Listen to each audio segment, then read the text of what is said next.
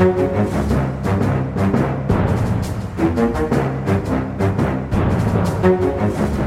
Er vi i gang. Det er en ny uke og en ny episode av Aftenpodden. Vi er på plass, eh, alle sammen. Og i, sånn, eh, i- åpenhetens og ærlighetens navn så kan vi si at denne episoden spilles inn på onsdag ettermiddag. Så Mm. eventuelle dramatiske ting Vi vet jo ikke hva som har skjedd med den ubåten, for eksempel. Nei, det er sant. Eller om noen har vært inhabile. Så ta det som forbehold når man går videre. Men det er en bra, bra uke som vi skal gå i gang med. Eh, hvordan er det med deg, Trine? Jo, mottoet 'ny dag, ny nederlag', den, det tar jeg med meg. Det har jeg hatt i mange år, og tar det med meg denne uken òg. Åssen er det med deg, Kjetil? Jo, takk, bra. Og du, Sara? Jo, altså Det er utrolig klamt og varmt i Oslo akkurat i dag. Eh, Men vi tre andre her, som eh, ikke representerer Trine, vi har kommet fra ulike festlige opplevelser alle sammen. Så vi, her er det godt humør. Ja. Deler av gruppa er i godt humør. Altså, Kjetil og jeg har jo vært på, på, en, eh, på en sånn festrunde her eh, i går, altså på, på tirsdag, der vi endte opp, og det var det jeg tenkte bare skulle starte for å gå inn helt sånn apolitisk ende, eh, mer sånn hverdagsrunde. Ikke hverdag, da, helt, helt, helt unormalt. Vi møtte Viggo Venn. Vi møtte Viggo Venn. Altså, møtte og møtte vi Vi oppsøkte, dere på, tror jeg vi er er riktig å si her. vi var på eh, kongens bursdag. Eh, altså kongen av eh, Storbritannia og eller England og så videre. eh, Som den britiske ambassaden markerer det. Jeg har vært på det en gang før. Da var det dronningens bursdag, men nå er det, nå er det godt over, da. Det er litt vittig, bare for å skyte inn det, for de har en sånn fast eh, sånn monarkens bursdag. Men det er ikke bursdagen til eh, Charles. Det er en helt annen dato. det sant? Men det er da de, de tar det. De feirer det Det er lurt å legge til juni, da. Samme dag hver gang. Ja. Uansett. Så der var vi. Og, og Viggo Venn. Og Viggo Venn, eh, som jo var på en måte som en, da en eh, Hva blir det? Han, en, Norge, altså en, en venn av Storbritannia da, etter å ha vunnet dette britiske talenteropplegget. Um, og det var da vi, måtte, vi endte opp i den litt sånn ubehagelige situasjonen. Så jeg, jeg lurer litt på om dere også har vært i eh, dere andre her, som jeg mistenker at dere kanskje ikke har. Vi endte opp i det som ble en sånn slags um, selfiekø. Ja, det er altså så uverdig. Er. Ja. Faen, altså, skjerp dere. Altså, dette er, det er litt flaut for Trine og meg, faktisk, at dere liksom ikke klarer én kveld uten oss på fest, og så går dere ut bare Går rett på en smell. Men Altså- vi, vi måtte jo snakke med han. Det var et Ja, intervju er i Aftenposten, så det var jo naturlig å liksom oppsøke, og det var fint intervju og en liten Ja. utveksling der. Men da var det jo Det er bedre. Ja. Det er bedre. Ja, men det var, ikke så, det, altså, det var ikke så bra. Det, det, var, det, det var flaut. Det var, Det var Prøver flere. å redde oss inn her, Lars? Ja, vet jeg, men vi må være ærlige med, med lytterne våre. Det var, en, det var en pinlig situasjon, men det var også tenkt at dette er jo ehm, altså Det er sånne situasjoner man liksom må oppsøke av og til for å, for å se hvordan det er. Men, men det, du, du Ut av komfortsonen? Ja. jeg. Ville aldri Jeg gjør aldri sånt. Jeg, jeg blir så skamfull uh, av å både bli tatt bilde av og ta bilder selv. Altså, jeg fikser ikke det. Jeg har ikke vært Altså, jeg, ingen, jeg har ikke hatt sånne venninner som har lært meg å pose. Sant? Det mistenker jeg at heller ikke du er så god på, Trine. Ja, Men det er litt sånn generasjonsting òg, tror Ja, jeg. Jeg tror ikke vår generasjon lærte aldri det. Vi føler oss bare dum og klein. Ja, så det er sånn dum og klein i mente, liksom. Og det, er- dere to, Lars og Kjetil, har jo heller ikke gått på det kurset, tror jeg. Men dere har tydeligvis mer sånn tro på dere sjøl, så det bare står i det. Gratulerer. Men det vi fant ut, da, som, hvis vi skal ta liksom lærdom ut til de som av og til møter noen de vil uh, uh, bli tatt, ta bilde sammen med for å markere anledningen og allting, og, uh, så er det det at eh, du må liksom du må gripe den sjansen med en gang den oppstår, før det blir en kø. Ja, og før du rekker å tenke. Før du rekker å tenke. Du må tenke oi, der er det noen Det var noen jeg syns det er stas å bli tatt bilde sammen med. Du må gå bort og innlede en samtale, og så måtte gjøre det naturlig. Hvis du ender opp i den køen, da er du på halvdistanse, og det er ikke bra. Eh, For da er det der vi, liksom vi holdt på å bryte. Du kan bryte. dere nølte for lenge. Vi nølte litt Ja. og holdt på å bryte. Men, så, men vi plukket opp et godt, men ubekreftet rykte. Oi. Eh, Det er en ny eh, britisk ambassadør i Oslo nå, vært her i seks, sju, åtte uker, eller noe sånt. Jan Thompson, jeg tror hun. Vært eh, ambassadør i Tsjekkia tidligere, og så noen år i New Delhi. Eh, Og nå har hun kastet ut alle hundene av residensen. Oi! Hun er kattemenneske. Fikk seg to katter da hun var i Tsjekkia. To fra et sånn omplasseringssted. Som, som hun tok med seg da videre til India. Og så nå er de i Oslo. Kattene. Kattene. Den forrige ambassadøren var hundeperson. Så nå er det, det er liksom en omstilling. Det har vært litt eh, konflikt internt i den, brit- på den britiske ambassaden om dette. Ny, nye signaler, med Det, andre ord. det er ikke lett å flytte katt hvis ikke en innekatt, men eh, jeg hadde jo Jeg vil, mener jo at den ambassaden burde ha Welsh Corgis. Enig. Et par, tre, fire, fem av de. Jeg har jo det, som dere vet. Jeg pådro meg jo en sånn hund i vinter. og, og mener jo at det er en del Det er jo en rekvisitt. Ja, i ja. dette, Men Trine, har du tenkt i dette universet. Altså, du er jo en, eh, jeg vil ikke si konservativ, men du er jo en kvinnelig eh, leder med en viss tyngde, kan man si. Sånn lederprofilen din. Det er ikke akkurat eh, monarkisk, men Nei, bare, det du, være lov å ta i, ja. Jo, men har du tenkt på liksom, signaleffekten av at du går rundt med en corgi? Altså, det ser ut som du prøver å være dronning Elisabeth, liksom. Ja, jeg ser hvordan dette kan leses. Jeg skynder meg å si at dette er et uh, omsorgsprosjekt. Det er ikke et imagebyggende det er prosjekt. ikke imagebygging. Han får veldig mye god tilbakemelding, denne voksen. Skjønn hund. Ja, men det er fint. Eh, Det er jo ikke som at det her er en uke der det er helt umulig å velge temaer, for det er en, en lang smørbrødliste av ting fra politikken som, eh, som vi egentlig kunne gått gjennom, og som vi delvis eh, skal gå gjennom. Men vi må jo starte med Arbeiderpartiets ferskeste nestlederfloke. For ikke før var Tonje Brenna på en måte klappa inn som partiets neste kronprinsesse, og liksom støe, trygge talent og fremtid så, så oppsto det, eh, dukka det opp en sak denne, denne uka. Eh, VG kom med den her på, på tirsdag morgen. eh, At hun da hadde på en måte erkjent sine feil. Hun hadde ikke erklært seg inhabil da hun eh, utnevnte en, den omtaler som en venn. Eh, Godeste Frode Elgesen, advokat og tidligere bistandsadvokat i forbindelse med rettsprosessen etter 22. juli. Bistandsadvokat for AUF, der Ja. jo hun var generalsekretær. Ikke sant? Han ble da utnevnt til styreleder av Wergelandsenteret, som videre eh, betaler penger, eller på å si betaler penger. De, Det er en av bidragsyterne til stiftelsen der ute på Utøya. Ja. Mm. Ja, der hun Og- og- også er inhabil eh, overfor tre i styret, blant annet hennes ekssamboer. Og så hadde Brenna en fin formulering der, at de hadde jo mye kontakter under den eh, rettssaken og sånn, og så opprettet de et vennskap. det, er, det er som politikere gjør, de finner ut at nå, nå, har vi opp, nå oppretter vi herved. Ja, men man må jo utrede ting først. Det Ja. er vi enige om her i denne poden. Så vi, Utforske, se om det er grunnlag for et vennskap. Ja.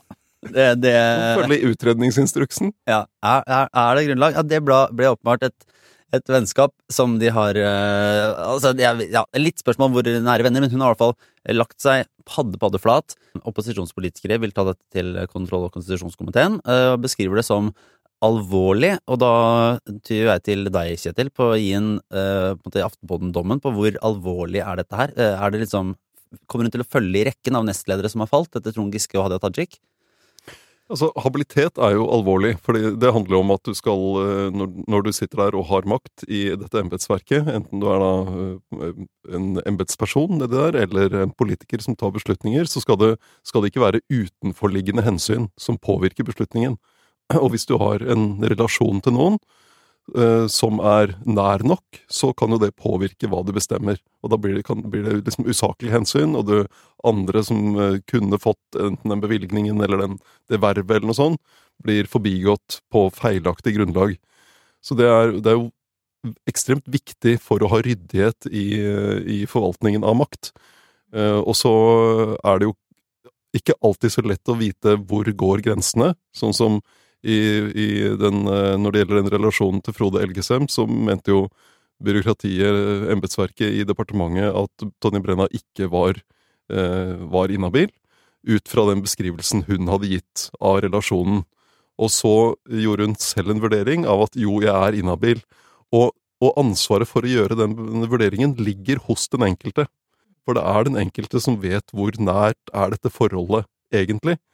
Eh, Så det starter og slutter hos den enkeltpersonen, enten det er en som sitter nede i byråkratiet, eller det er politikeren. Men teknisk sett det er så interessant at eh, vennskap er, er, gjør deg faktisk ikke automatisk inhabil. Eh, det, er, det, er ganske sånn, det er ganske detaljert, det regelverket, eh, og det handler jo veldig ofte om juridiske, økonomiske eller andre sånne faktiske bindinger.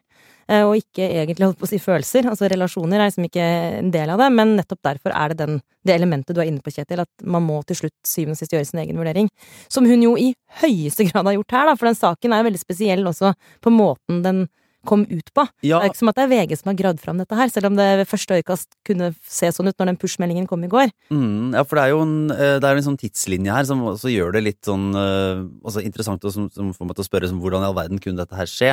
Fordi at det, det var jo ikke sånn Hun har, kom jo fram til blant annet at hun har jo nevnt da, i liksom de tidlige samtaler med eh, departementet, der man liksom går gjennom sånn mulige konflikter og mulige problemer, så har hun liksom pekt på at dette er et forhold som på en eller annen måte bør- være obs på, da, denne gode vennen.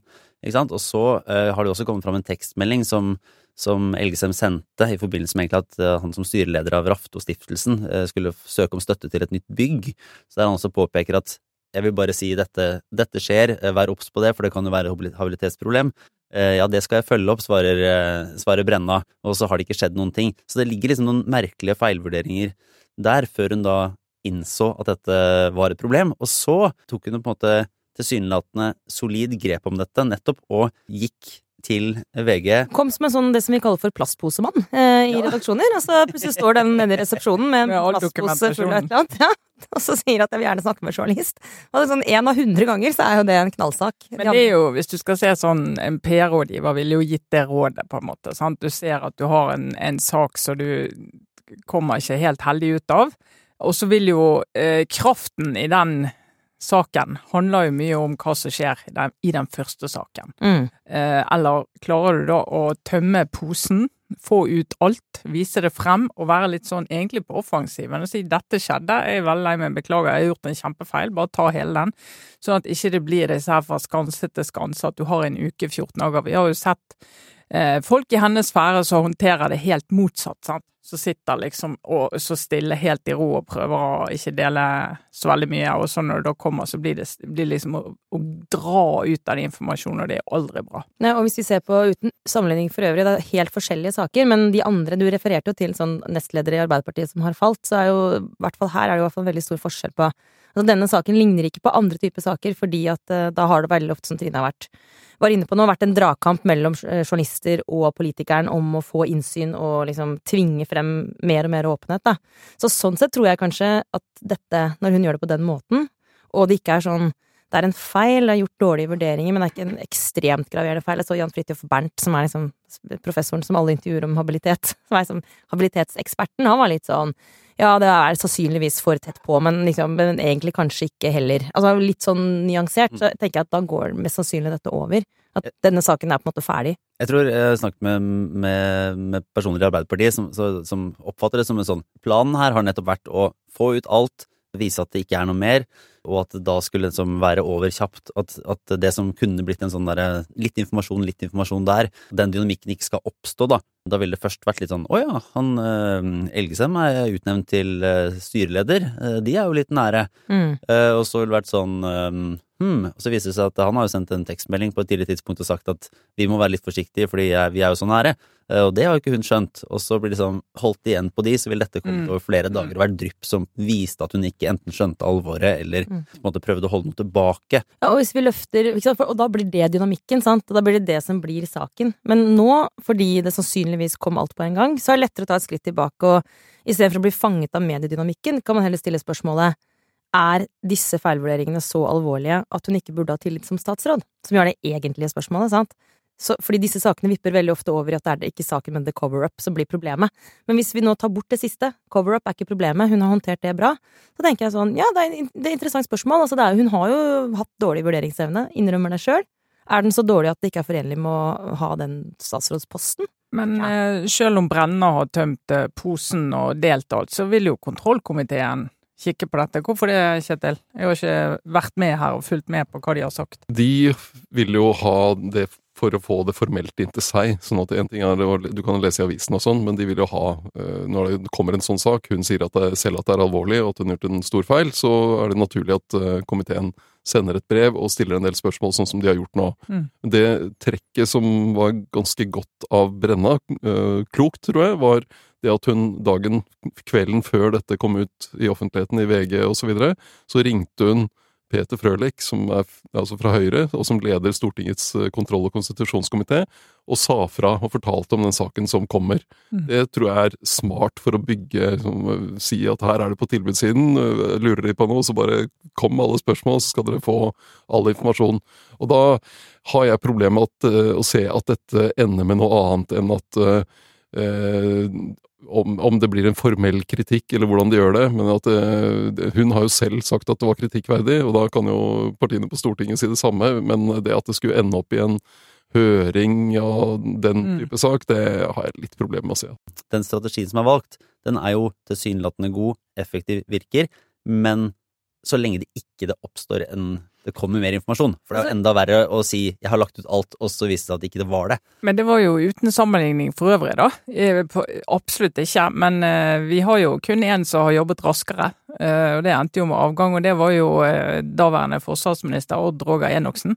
Da VG avslørte at han blant annet hadde operert som seksuell mentor på et Ja. tidspunkt. Mm. Eh, og da tror jeg han hadde gått av lenge før mange hadde rukket å lese saken. Det var liksom bare jeg bare si, det det hadde jeg gjort timer, gikk bare noen timer, eh, så det var, og, og det han bekreftet. Ja. Han var i første sak, bare bekreftet, og så gikk han av. Så det var vel sånn ui, virvel. Men altså, han bekreftet jo ikke bare, hvis det er lov å le litt av det, dette er også en tragedie for mange mennesker, men også helt det mest komiske jeg har sett av å kaste seg på sverdet-sak. altså, Enoksen gikk jo så langt når han ble konfrontert av VG med dette ikke så veldig gode Altså dette, dette forholdet til hun unge jenta, så sier han så mye selv, uoppfordra, i det intervjuet, at han på en måte bare snakker seg ut av jobben. Helt av seg Ja, ja, selv. ja. Altså, det bare Og på en måte tenker jeg takk. uh, ærlig og redelig uh, kaste seg på sverdet, og takk for nå, og lykke til. Et annet eksempel på en politiker, en statsråd, som ville liksom bli ferdig, kvitt en drittsak ved å liksom komme med, kom også til VG med alle dokumentene og sa vær så god, se her. Det var jo justisminister Emilie Enger Mehl eh, i fjor i juni. For da var det en sånn pendlerboligsak som hun hadde. Og ja, stemmer. Skatteetaten kom Ja. med en sånn foreløpig vurdering av at hun eh, det her var det feil, og hun skulle betale ekstraskatt. Og hun gikk rett til VG og sa jo hun skulle betale. Og så hadde skatteetaten da den endelige vurderingen og kom til at nei, hun skal ikke betale noe. Så det Hadde hun allerede betalt? Jeg vet ikke. Nei, du får jo regningen, ikke sant. Ja. Den sendes jo ikke fra skatteetaten før, eh, før det, saken er helt avgjort. Ja. Men ironisk nok, da, Lars, bare for å runde av den, så kan det jo hende at dette kan bli en vinnersak for Tonje Brenna. For at det, hvis det nå, mot form... Altså, dette er med forbehold om at det ikke dukker opp noe mer, da. Hvis vi nå alle sitter og sier sånn, det var godt håndtert, hun kunne virkelig Dette fiksa hun, liksom. Hun gjorde en feil, ærlig og redelig feil, hun sto frem, hun gjorde alt riktig, så blir det jo fort en historie om at hun er en politiker som er i stand til å liksom innrømme feil når feil må innrømmes, og ergo vinner tillit, da. Så på en måte kan hun sitte igjen med mer tillit, hun, etter denne saken, enn hun hadde før. Faktisk. Og så er det fortsatt vanskelig å skjønne hvorfor, med, med tanke på det at hun selv sa fra tidlig om at det her, her må vi passe litt på, og så passet hun ikke på. Det er, Nei, men det har jeg forståelse for. Hallo, liksom. Det er helt dypt menneskelig. Nå må jeg passe meg litt og ikke spise så mye sjokolade, fordi Og så spiser du posetvist. Altså, akkurat der syns jeg Det er uheldig, selvfølgelig, når du sitter med så mye makt. du er jo ikke statsråd, da. Nei, takk Gud. Kom aldri. Det kommer jeg. Og så er det det at statsråder de har jo folk rundt seg som skal passe på de tingene der. Sant? Og sånn at du har veldig god hjelp hvis du sier du, kan ikke du minne meg på her er en greie som jeg må bare gå ordentlig gjennom. Kan du, kjære statssekretær, rådgiver, en eller annen, minne meg på det? For det, det her må ikke flyte. Så, Ja. Så du har jo folk så du trenger jo ikke sjøl å gå rundt og liksom huske på alt mulig, og det tenker vi må ikke glemme at de statsrådene har veldig godt rigg rundt seg. Ja, det er sant. Eh, vi går videre til en uh, annen uh, Hva skal jeg si? En, en annen Det er også en sånn på en måte en pressemelding, om du vil. Uh, da, da, da næringsminister Jan Kristian Vestre og LO-leder og PGS-en Følsvik og NHO-leder Ole Erik Almli satte seg på en benk og fortalte at de nå ville um, innføre, innfase, et sånn 40 %-krav også for, for flere styrer enn de gamle Hvordan blir det her? ASA-styrene. Mm, Altså, sant? Børsnoterte. Ja, Mm. så nå er det 40 eh, kvinneandel. Eller manneandel, da, i et tenkt Minst 40% av ett kjønn.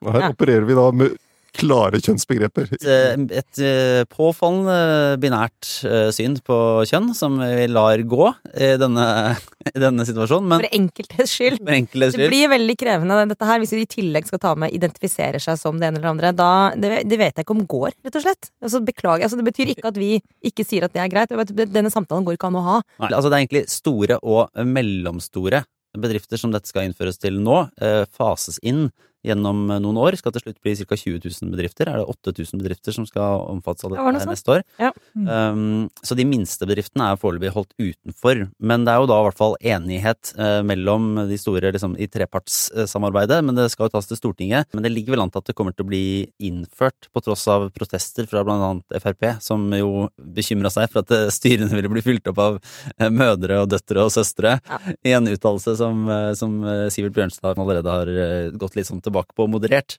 Ja, det, den, Bare for å ta det med en gang. Den uttalelsen gikk sånn fort, den der nyhetssirkelen. Altså, det var, det var tok kort tid fra det var sagt til det var trukket tilbake. Og det var jo klokt av han. Men det er klart, det er masse muligheter for å kunne være Altså, det går an å være kritisk til dette forslaget, men akkurat den måten å på en måte også utstråler litt sånn klassisk kvinneforakt gjennom å bare snakke om kvinner som først og fremst mødre, søstre eller døtre, det var sånn ok, gratulerer. Tidenes mest klønete, liksom. Det var bare et selvskudd. Ja. Men han, jeg tror han har Men- jo ha, de trenger jo da veldig mange nye styremedlemmer som skal rekrutteres inn. Det er eh, et anslag på ca. 6600 nye i eh, løpet av eh, i første trinn, eh, og totalt 13 000 nye styremedlemmer. Så Men det det fins jo ganske mange millioner kvinner i Norge, da. Ja, men, men den der For det, det er jo det som er litt uh, interessant. Jeg så jo det at veldig mange tok tak i det som han sier at Bjørnstad sa, og jeg skjønner godt at de gjorde det. Det, det var jo et opplegg til Smash for alle som, eh, som tror at den motstanden handler om eh, ren kvinneforakt.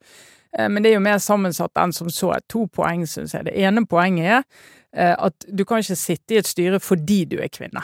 Det kan du ikke gjøre. Så du kan ikke bare si at nei, populasjonen du kan velge av, det er halvparten av Norges befolkning, for det er det ikke. Det er veldig få du kan velge. Jeg har sittet i styrer med folk som Eller hatt folk i styrer jeg har vært involvert i, eh, med folk som sitter der av de feile grunnene, og det er fullstendig ødeleggende. Og når jeg sier de feile grunnene, så er det fordi at de er der i kraft av en eller annen identitet, kjønn, hva det måtte være, men de kan ingenting. Eller de kommer fra en eller annen, og det kan være mann òg, kommer fra en eller annen såkalt spennende sektor i samfunnet som det er gøy å høre og få innspill fra, og de bidrar ikke med noen ting som gjør at den virksomheten går videre, da.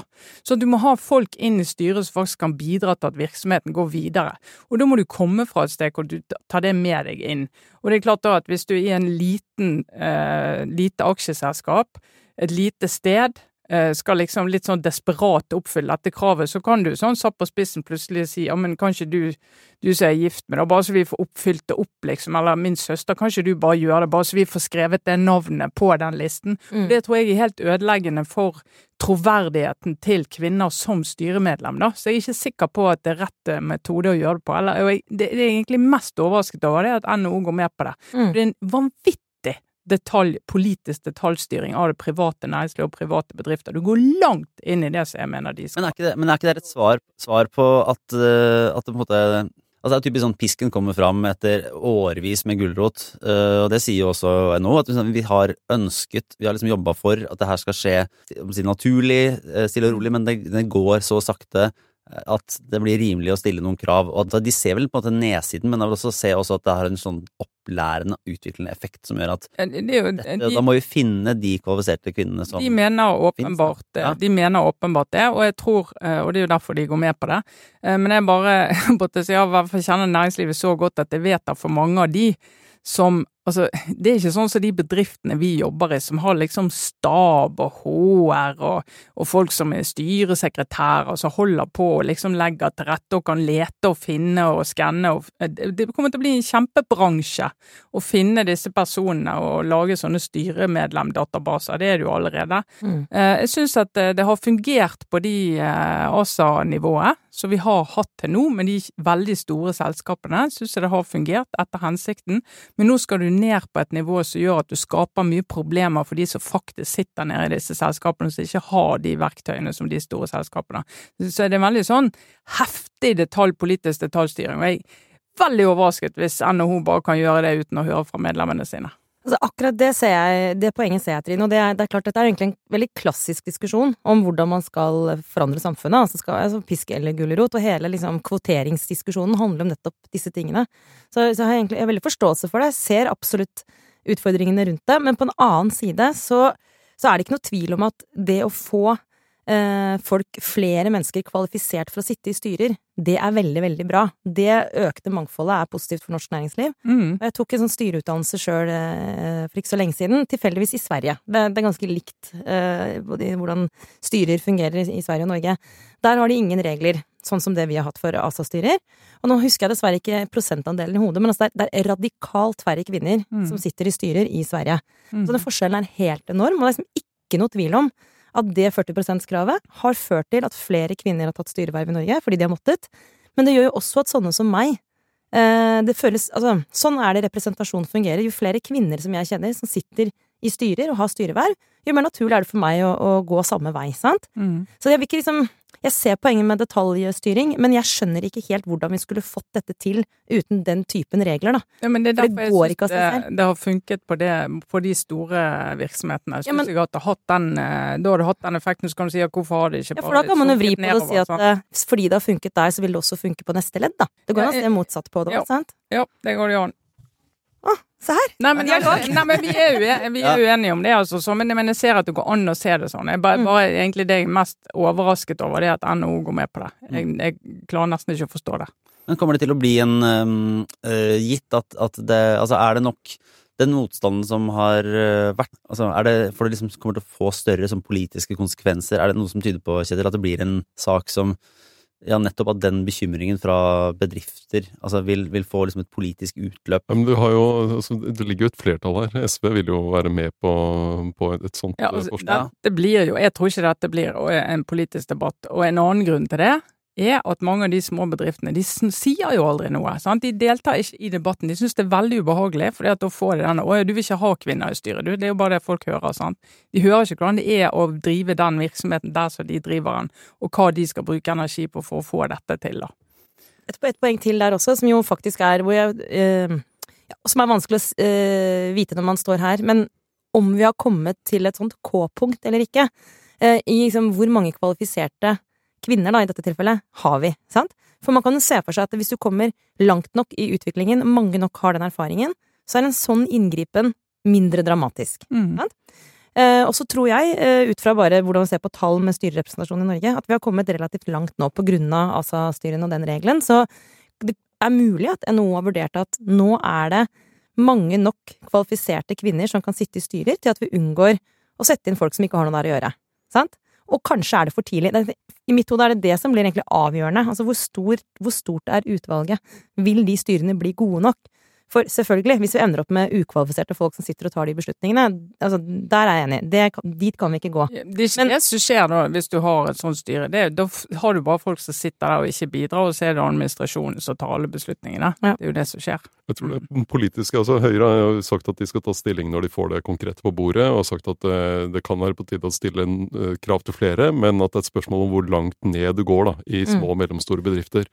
Og, så tror jeg sånn politisk det, Regjeringen sliter jo med sånn vestlandsnæringslivet og sånn etter lakseskatten og den type saker. Og her får du en, en sak til der en del av det eh, miljøet, næringslivsmiljøet, små og mellomstore bedrifter, vil reagere med at de skjønner ikke hva vi driver med og hvordan hverdagen vår er. Så der, der kan du ha en politisk effekt av det. Men dette gjelder da ikke de små, små bedriftene. Ja, men det går ganske langt ned. Men eh, vi må bare en liten sving innom eh, en, eh, en ting til. En eh, slags sånn nyhets... eh, litt eh, interessant oppdatering i denne saken eh, fra, fra om Frp-kandidat, førstekandidat i Oslo, Ja, det er også en Lars Petter Solås. føljetong. Som eh, jo først, eh, etter å ha eh, blamert seg og oppført seg dårlig på FrPs landsmøte, eh, trakk seg fra lista eh, på sitt rodan trakk- og ble ekskludert fra partiet. Eh, så ut til å få godkjent denne beslutningen om at han ikke skulle være listet opp likevel. eh, Av valgstyret i av Oslo. valgstyret i Oslo, eh, før nå eh, Kommunaldepartementet Mm. Har gått inn og sett at uh, nei, den, den jobben har du å si, å ta hvis du får den. Uh, du står på den plassen der. Uh, ingen nåde. Eh, som jo er en fascinerende liten eh, flipperspillrunde i, i den eh, listetoppen. Ja, hvorfor ender de der? Jeg skjønner, dette, dette, er, dette må jeg si på vegne av vanlige folk. Dette er litt vanskelig å forstå. Altså, han vil ikke ha plassen, partiet men vil han, ikke. han har jo ikke lov å trekke seg. Men han har lov å søke støtte som sånn enmannsgruppe, sant? Ja. Da utløser han jo 1,3 millioner kroner i året i støtte. Mm. Eh, har jo vi Per, sak om. per nå. Altså i, i dagens regler i Mm. Oslo kommune, og de reglene jobber de med å endre før neste periode. Før neste nachspiel. Men altså, grunnen til at de, eh, Kommunaldepartementet tolker loven på den måten, er at du har, du har en frist for godkjenning eh, av, eh, av lister. Eh, og og denne, denne lista fra Oslo Frp var godkjent. Eh, og da oppfyller ikke dette kravet for at han skal kunne trekke seg. Og, det, argumentet for det er jo at eh, du, du går inn i en valgkamp. Hvis folk bare kan drive og trekke seg sånn underveis, så blir det uklart for velgerne hvem er det som står på liste. Eh, så det, det må jo være en eller annen sånn dato der du setter sånn Nå er det slutt. Og så har jo noe av problemet vært det at det i, ut fra valgloven nå, så kan partier, sånne tullepartier og sånn, bare sette opp forskjellige kjendiser på sine lister. Eh, og så er de kanskje ikke engang klar over at de står der, og så oppdager de litt, litt sent, og så sier de hør her, jeg, jeg har ikke stått, skal ikke stå på sånn skrulleliste. Og så har de fått lov til å trekke seg ut eh, sånn, innenfor rimelig tid, da. Eh, og der burde det nok hatt Altså jeg mener du burde endre valgloven og si at når folk blir satt opp på liste, så skal de få en forespørsel. Er det, vil, vil du stå på den lista? Ja, sånn i, ja, i utgangspunktet. Ja, Ja. i utgangspunktet. Mhm. Men uh, du må jo ha en En, uh, En frist. En frist. Ja. Eh, da, men problemet for Oslo Frp blir jo at de da går til valg med han på topp, som er ekskludert fra partiet. Og så skal de komme med en sånn valgtekniske råd til eh, velgerne sine om at de skal kumulere, altså gi sånn ekstra kryss Lykke, lykke til. til de tre eller fire andre som står øverst, for å prøve å dytte ham ned da, på lista. Og det, det blir veldig, det er et tungt budskap å selge inn. Og så vet du hva, jeg er nesten synd på deg, men jeg vil bare minne om også hvilken branntomt eh, liksom, Oslo Frp er, eh, i likhet med Bergen Frp. Altså, dette syns jeg nesten ikke de fortjente, faktisk, av kluss. Altså, det partiet har jo ligget, ligget med brukket rygg i evigheter, liksom. Eh, og så, så får de liksom dette her. Det er jo Altså, det, altså, det kommer jo ikke til å gå. Altså, det er ingen her, jeg tror nesten ikke du engang, Kjetil, skjønner de her reglene for stryking og kumulering. Altså, jeg kan bare innrømme, nok en gang, som folkets representant, jeg bare krysser litt. Altså, jeg Det der. Det er ingen som forstår. Så det får liksom alle Frp-velgerne. Det sier jeg ikke fordi det er Frp, altså. Men til å på en måte gjøre dette riktig, det Men han kan jo da, altså Se på målingene i Oslo, så er det jo veldig tett mellom blokkene. Så plutselig Kan jo, han- kan sitte på, som på vippen på et eller annet vis. Og Det er veldig mye rart. Altså, dette blir veldig gøy å følge. Ja, for det er jo sånn i, i, på målingen nå, så, så, så er det plutselig et, altså et Frp som er sterkt, vil jo uh, kunne gi Høyre makta. Og Høyre har jo kjempegode målinger i Oslo om dagen. mm. Men, men det er jo noen målinger som vipper litt på om de nettopp klarer å få et flertall, til tross for at de er sterke, fordi Frp blant annet er så uh, små, og fordi at uh, de liksom de har et relativt smalt samarbeidsgrunnlag sånn i utgangspunktet. For det har jo vært Altså, KrF er veldig, veldig små, og, og Venstre er på en måte så store som de vel har vært omtrent, men det monner ikke, da. Øh, Opp mot øh, alle de andre småpartiene og ulike blokker.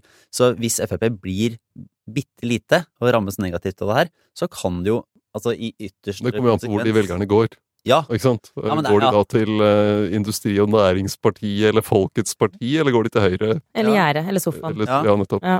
Så Men det er, eh, det er litt for mange usikkerhetsfaktorer i det. ja ikke sant? For, Men jeg ser at du, Kjetil, får et så- eget også- lys i øynene når du tenker på dette her. Ja, ja. Men så er det noe med, Gleder deg. altså, ja, men så er det noe med øh, velger, øh, hva, hva tror vi at velgerne tenker på når de går i valglokalet for å stemme? Tenker de da på Oslo Frp og en listetopp som de aldri har hørt om? Bortsett fra at de kanskje har hørt om ham nå, da, pga. det nachspielet. Eller tenker de på Sylvi Listhaug? Eller tenker de på hva de skal ha til middag? Ja, Mm. det kan de også tenke på. Ja. Og om de skal følge kostholdsrådene til middag. Ja, de skal ha kjøtt til middag. ja, ja, nei, er, vi, vi kommer vel egentlig tilbake til, eh, til eh, Oslo-politikken eh, og, og målingen der etter hvert, for det er så mye å ta tak i med, med nye partier og alt mulig rart. Så nei, hvordan er det? Skal vi, rekker vi innom en tur om, om regjeringens siste ambisjon? Eller går vi rett på en obligatorisk refleksjon?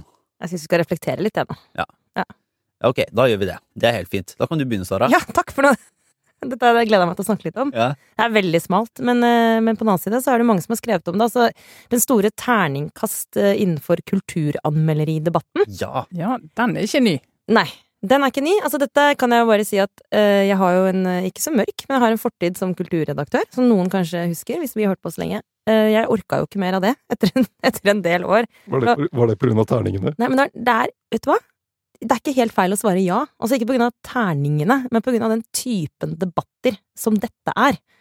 Som liksom irriterer meg sånn inn i liksom granskauen, og som gjør at jeg mener at norsk kulturliv bare, og, og dets forkjempere liksom bare ødelegger så for seg selv. ja, men ok, vi bare Skal vi spole tilbake litt? Ja, Eller eh, så er det, altså NRK har bestemt seg for at de nå skal innføre det de kaller eh, altså terningkast, en skala, Ja. eh, som skal følge med anmeldelsene på litteratur, teater Billedkunst. og billedkunst. Og de har jo allerede sånne terningkast, som jo Aftenposten har, og VG har, og de fleste har. App, app, app, Yep, app. app, jeg vet, men ikke på alt. Nei, og, Nei. Altså, og Aftenposten har, vi har ikke terningkast Ikke sant? Nei. Vi har karakter. vi har karakter. Sånn 1, 2, 3, 4, 5. Å, Jesus, hallo. Det, det er det ingen som bryr seg om. Selv jeg hadde glemt det da jeg hadde ansvar for det. Ja, for, For det er jo 1 til 6. Logikken Ja. der uh, har jo vært at uh, terning det signaliserer tilfeldighet. Ah, Så det er ikke et argument Okay. Nei, nei. bak. Du har ikke resonnert deg frem til noe. Du bare sitter og synser litt, og så triller du terning. Og så ble det Å ja, det ble Jeg syns egentlig det var bra, men det ble tre. Ja, ok, det får bli tre, da. Altså. Ok, men det skal ingen kritisere verken Aftenposten eller NRK for, da. Så dette er jo veldig seriøst anmelderi. Eh, kulturanmelderi. Men det som har vært et skille, er jo at de har hatt eh, da karakterer, da. På eh, populærkultur. Og så har de ikke hatt det på såkalt finkultur. Og det er, her, det er det som irriterer meg. Det er det de skal innføre nå. Det er at de skal si at vi skal gi en karakter eh, når vi anmelder kulturuttrykk. Eh, uansett om det er en film, et dataspill eller en kunstutstilling. Og så er det ramaskrik fordi de som anmelder kunst og, og teater og litteratur, eh, føler at det er umulig for dem å gjøre. Og det er der det er jeg tenker sånn at det, det, er ikke, det er ikke sånn at det er vanskeligere å vurdere kvaliteten på en roman enn på en film. Selv om film er liksom levende bilder, og de snakker på engelsk. Altså, det er et eller annet med å bare få bli kvitte seg med en, en, en sånn arv etter en sånn veldig selvhøytidelig måte å tenke på seg selv på hvis du tilhører såkalt finkultur. Fordi journalistikk Nå begynner ranten, med skal gjøre det Mhm. kort. Journalistikk handler jo om formidling. Altså, vi, vi, vi tar ting vi syns er viktig, og så skal vi presentere det for så mange som overhodet mulig. Det er jo masse medier vi driver med her. Det er jo ikke sånn at vi henvender oss til én og én person. Og, det viser seg at i kulturanmelderiet så fungerer det ganske det blir, Teksten blir mer tilgjengelig for flere hvis du klarer å spisse det og lande et sted og være litt tydelig i hva du prøver å si. Og det mener jeg ofte løfter nivået på en anmeldelse, også en kunstanmeldelse. Det er et godt grep. Det er et godt, litt tabloid grep, som gjør det enklere for en vanlig Mm. leser å komme inn i teksten. Og hvis man ikke orker det, hvis det blir så utrolig vanskelig for at jeg driver med så kompliserte ting, så tenker jeg at ja, men da skal du jobbe i et tidsskrift.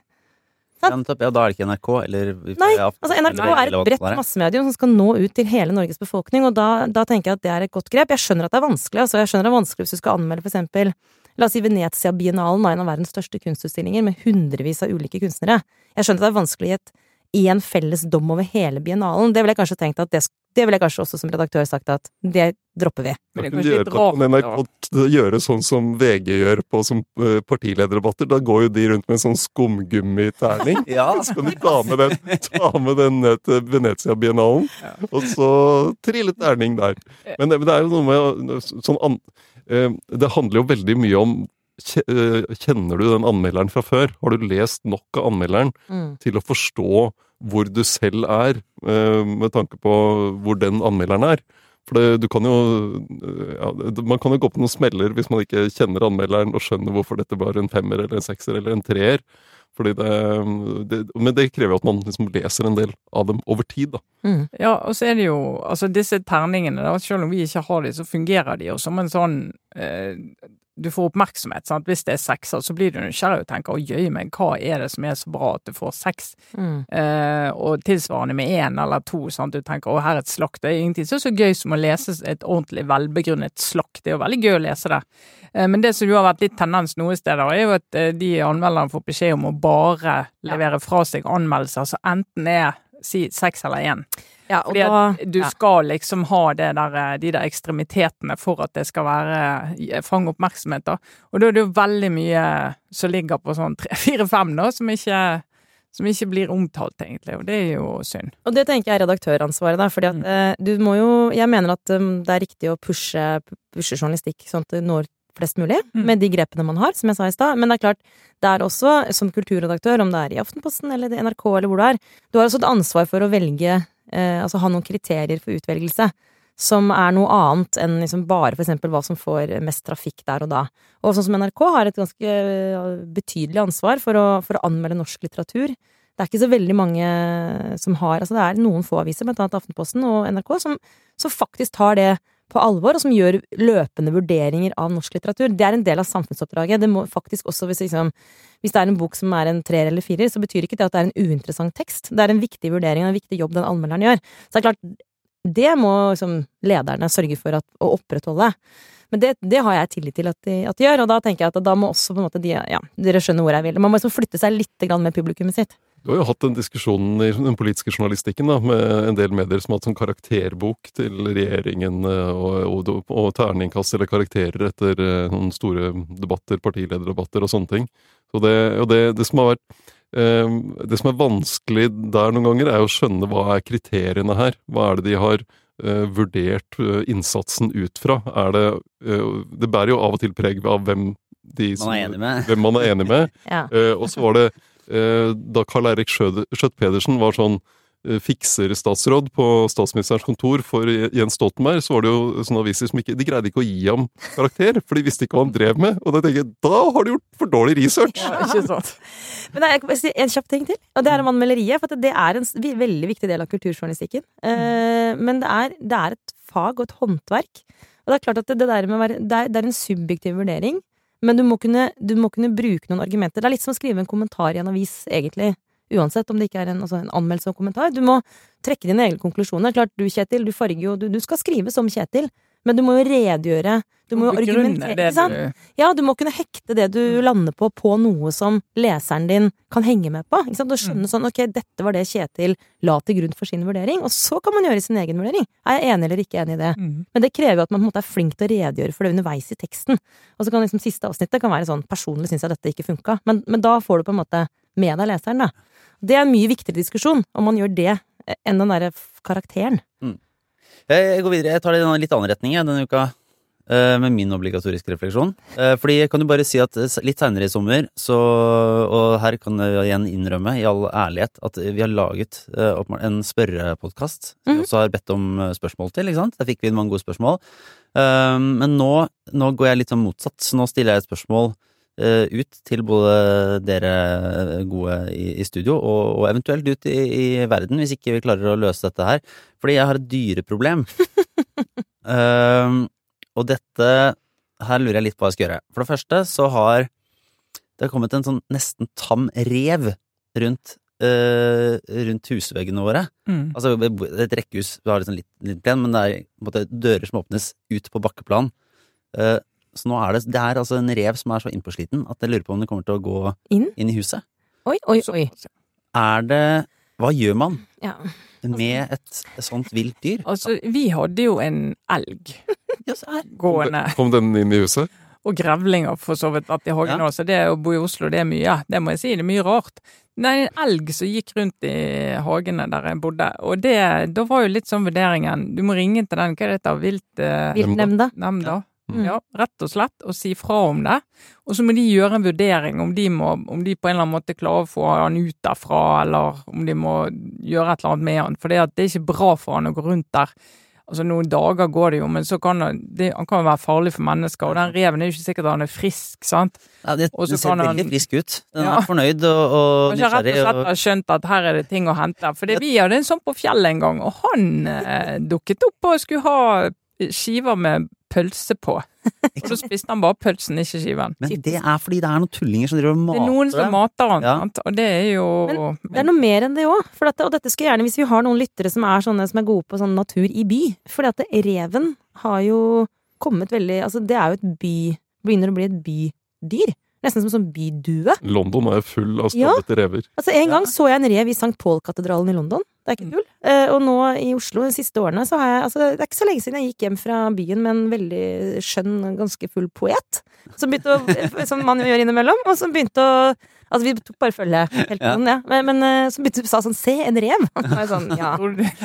Det, var starten på et dikt, men det var, var det rett etter da du møtte den beveren i For altså, de dyreopplevelsene våre vil jo ingen andre ta. Nei. Og det viste seg at den reven, og nå har jeg møtt den flere ganger, det er en rev oppe i gata hos oss også, som bor der. Og de er jo bare tydeligvis veldig happy med å bo i byen, hvor de finner mye mat. Så egentlig så trenger vi å vite sånn, er dette farlig for oss? Er, er de i ferd med å ta over? Og kan man, bør du liksom, det, er han farlig for barna ja, dine? ja det, det vet jeg ikke, men jeg, også, jeg leste en sak eh, som var sånn eh, NRK skrevet. Jeg kan dele den også i nyhetsbrevet for de som måtte være plaget av rev. Der eneste råd var sånn ja, men legg bort nøkkelknipper og sko og sånn, for de er glad i å ta ting og leke med det. Så var sånn, ja, men det er ikke noen løsning. Nei. Jeg var sånn, jeg lurer på, skal, Kan jeg måtte skyte den? Hva jeg må jeg Nei, gjøre? Lars, nei, det kan du ikke. Og så, men det som er, jeg har et enda større problem. Jo, Fordi- ikke legg ut gift. Nei, ikke legg ut Ja, gift. det Det er heller ikke lurt. Og der, der, jeg skal ikke ta det for langt, men jeg har, reven er én ting, for den kan jo på en måte kjøres over, i hvert fall. Eh, men det er også to katter som prøver å flytte inn. i huset ditt. Ja, se, nå er det, nå er det sånn Du, Det sniker seg dyr inn i huset hele tida. Zoologisk hage. Hva er det vits må bo i byen, si? Ja, ikke sant? Han bor ikke i byen. Jeg tror den bare den luk, de lukter sånn der eh, makrell i tomat. Av Ja. hele, av hele. Du, du er i ferd med å bli Senterpartiet her nå. Ja, Du kan lage lokallag. jeg jeg blir radikalisert. Du vil, du vil ha ulv. Jeg nei, jeg vil, ha, Nei, jeg vil vil skyte ha all ulv. ulv, skyte all rev og skyte alle katter. Nei, nei, nei. Nei, nei. nei i hvert fall, jeg tar imot eh, gode tips for en vennlig måte å avvise eh, egentlig både rever og katter på. Jeg har eh, Jeg, jeg stjeler din idé, Ja. altså med å, å ikke, svare, ikke svare på et spørsmål, men sende et spørsmål ut som jeg vil ha svar på. Dilemma. Eh, pels er vi imot, sant? Det er vi imot. Eh, mink, det er nå i hvert fall, i hvert fall jeg Ja. er mot mink. Og mink det oppdrettes jo for å lage pels. Eh, og hvis du da liker verken pels eller mink, så er jo svaret lett, liksom. Bare ligg unna pels. Ja, ja. Så har jeg kommet i posisjon med at jeg har eh, Jeg pådro meg jo en hund her i vinter. Nå har jeg pådratt meg en minkpelskåpe. Som da er laget type sånn på 70-80-tallet. Sånn, eh, så kall det, kall det arv, kall det ja. Som jeg har. Og det som er med en sånn pelskåpe, det er jo sykt varmt og godt å gå med. Det er det jo bare.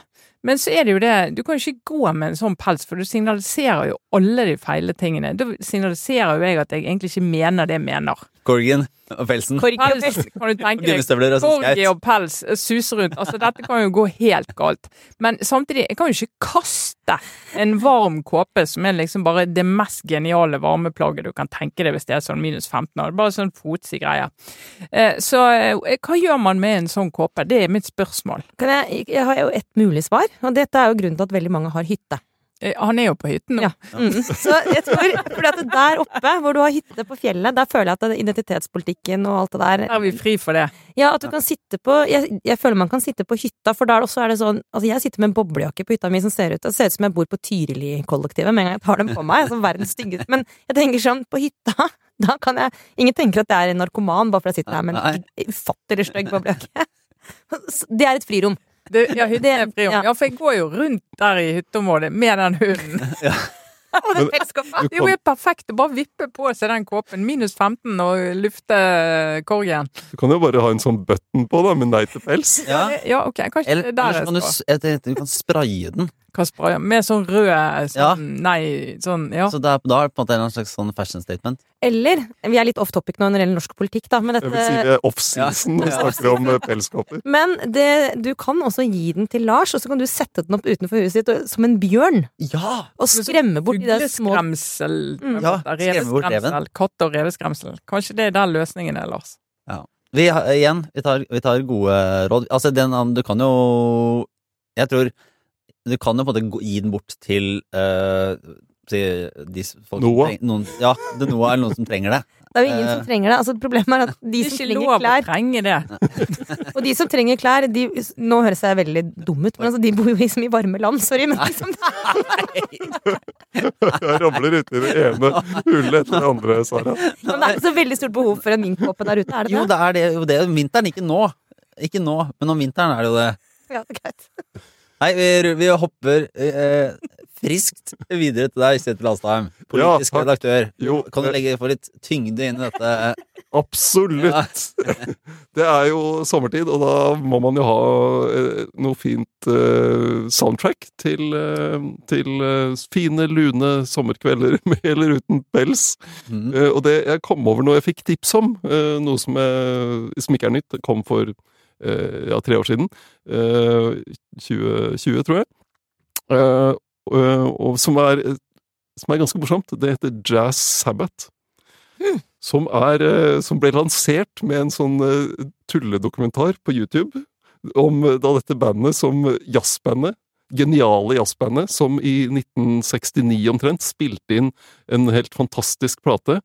Eh, Men der, eh, og så var det brann, og så forsvant uh, teipen. Og så ble hele greia stjålet av noen andre, som ble Black Sabbath og lagde heavy metal av det. Så det var liksom jazz som skapte hele La grunnlaget for hele heavy metal-bølgen. Og nå er har historien. Og nå har de endelig funnet dette originale albumet igjen, og gitt det ut. Så det er da uh, Det er tulleversjonen av det, men det er da jazzversjoner av Black Sabbath-låter. Oi! Ja, det er Oi. Jeg har ikke hørt mye på Black Sabbath, men Det det, er, eh, ja, nettopp. Så, men det er veldig gøy da å høre på disse låtene og gjerne veksle mellom uh, Jazz Sabbath og Black Sabbath, eller bare uh, høre på jazzversjonen. For det er sånn Du kunne ha det som et sånn band i en krok på en uh, trivelig restaurant med Og det, det er trøkk i deler av det. men Du kan ha det i bakgrunnen på en fin sommerkveld eller noe sånt. Litt Ja, men- overraskende, men bra. Ja. Jeg skal sjekke det ut. Eh, Da bare gjør vi som alltid. Vi oppfordrer jo folk som har Dette er jo en åpen episode som kan høres av alle overalt, så vi oppfordrer de som ikke er med hver eneste uke, til å, å følge oss hver uke ved å enten få et abonnement hos Podme eller på Aftenposten. Eh, Der får man jo alt. Eh, Og, og kan følge, bygge, bygge vanen. Og så kan man jo melde seg på nyhetsbrevet på aftenpodden.no og få våre tips, eh, saker vi har snakka om, og en ukentlig quiz. Eh, Var det noe vi glemte da? Kan umulig tenke meg. Ja, vi har vel lagt ut billetter til live. Det var det jeg skulle si! Det er det, vet du. For dagen etter valget, altså tirsdag 12. september, uh, har vi et uh, liveshow Hvor vi oppsummerer hva som har skjedd? På Sentrum Scene i Oslo. Og hvis, det- hvis det var Det var altså da, Valget er jo da 11., ikke sant? Eh, mandag. Eh, tirsdagen, dagen etter, er kvelden etter valget, og vi oppsummerer på Sentrum Scene. Det var veldig, veldig gøy sist. Da hadde vi jo med oss Jens Stoltenberg. Jeg kan ikke love, love det, men eh, jeg tror det skal bli moro. Så da er det bare å skaffe seg billetter på eh, Ticketmaster og søke oss opp. Så håper vi at det blir fullt hus og nok en kveld med artig politikk. Så det blir bra. Og litt om dyr, kanskje? Litt om dyr, kanskje. Hvis man er heldig, skal vi bare mangle. Det var denne ukens Aftenpodden. Ha det bra.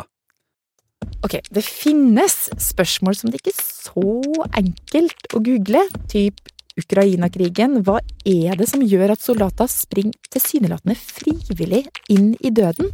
Jeg tror ikke jeg kan sammenligne det med noen ting som har skjedd i livet mitt før. Og hvorfor sier folk som jobber med kunstig intelligens at maskiner begynner å bli bevisst? Når du prosesserer informasjon og tar intelligente beslutninger, da er vi farlig nær tenking. Og hvorfor har vi i det hele tatt et strømmarked når det gir oss dyr strøm? Sjansen for at dette kunne gå galt, var jo veldig stor.